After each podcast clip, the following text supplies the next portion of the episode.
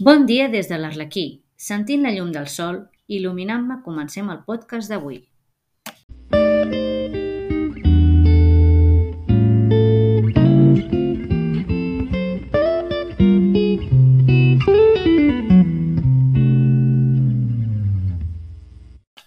Estrenem la secció a propòsit de, a partir d'un famós episodi, d'una de les novel·les que conformen l'obra A la recerca del temps perdut, que va ser escrita entre els anys 1913 i 1927 per l'escriptor francès Marcel Proust.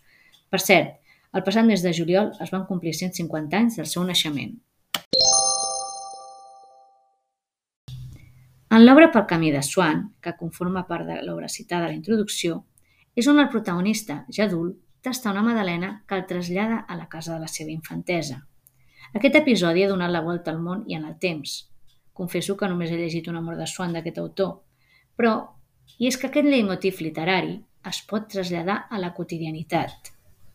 Qui no ha escoltat una cançó que l'hagi fet reviure un moment passat? O qui no ha vist algun objecte que no sap per què l'ha fet, l'ha fet viatjar perdoneu, en aquell instant feliç?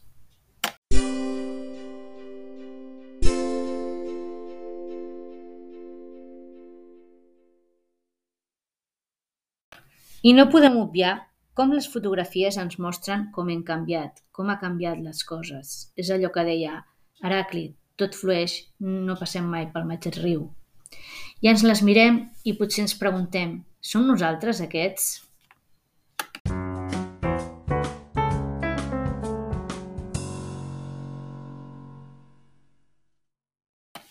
I és que la literatura, i en conclusió la cultura, ens han anat llegant una sèrie de leitmotivs i tòpics que els hem anat adoptant al llarg de la nostra vida quotidiana.